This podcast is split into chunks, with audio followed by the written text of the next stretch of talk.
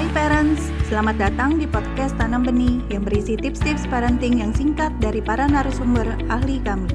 Untuk mendapatkan tips-tips terbaru kami, follow podcast Tanam Benih. Yuk kita dengarkan bersama.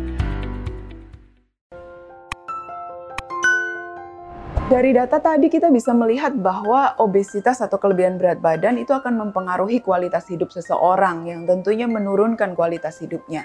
Nah, apa yang menjadi penyebab dari kondisi obesitas atau kelebihan berat badan? Ada faktor lingkungan, faktor budaya, dan juga gaya hidup.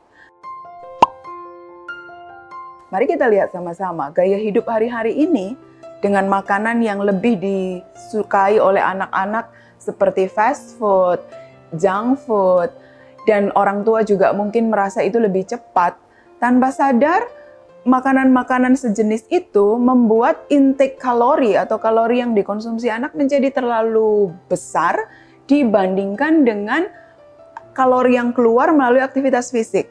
Karena lingkungan kita sekarang makanannya fast food, processed food, junk food, tapi aktivitas fisik makin turun. Karena anak bermainnya pun lebih banyak duduk dengan gadget misalnya.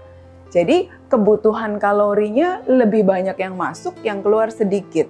Itu salah satu faktor penyebab. Dan kedua, gaya hidup dari keluarga juga menjadi penyebab.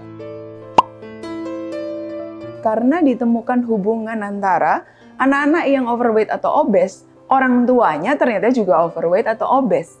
Sehingga kita bisa katakan ada contoh, ada pola gaya hidup yang di keluarga yang kemudian dikembangkan juga oleh anak dan akhirnya dia pun kelebihan berat badan ataupun obes.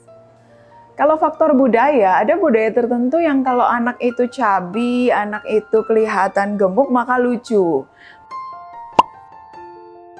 Maka kayaknya orang tua berhasil nih untuk memelihara anak, karena anak jadi kelihatan lucu dan gemuk.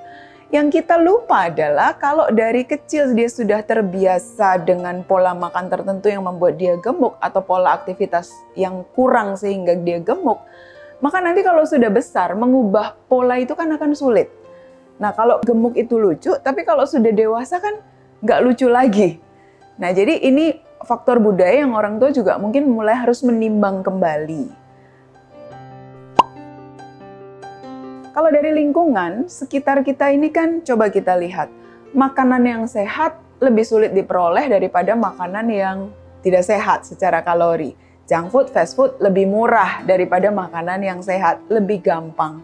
Sekitar kita juga yang diiklankan, yang disodorkan kepada anak-anak justru adalah makanan-makanan yang sebenarnya berkalori tinggi seperti minuman-minuman soft drink ataupun minuman-minuman yang berbagai jenis. Sekarang itu banyak ada segala boba yang adalah tepung juga dan berbagai tawaran minuman-minuman yang penuh dengan gula dan tepung yang kalau itu dikonsumsi anak tentunya akan mengintek kalori yang sangat besar dibandingkan dengan aktivitas yang dia lakukan. Jadi memang situasi sekitar juga mendorong anak-anak untuk lebih memilih makanan-makanan yang enak di lidah, terasa enak, tapi sebetulnya tidak sehat bagi mereka. Terima kasih telah mendengarkan podcast Tanam Benih. Jangan lupa follow podcast Tanam Benih. Tidak pernah ada kata terlambat loh untuk belajar.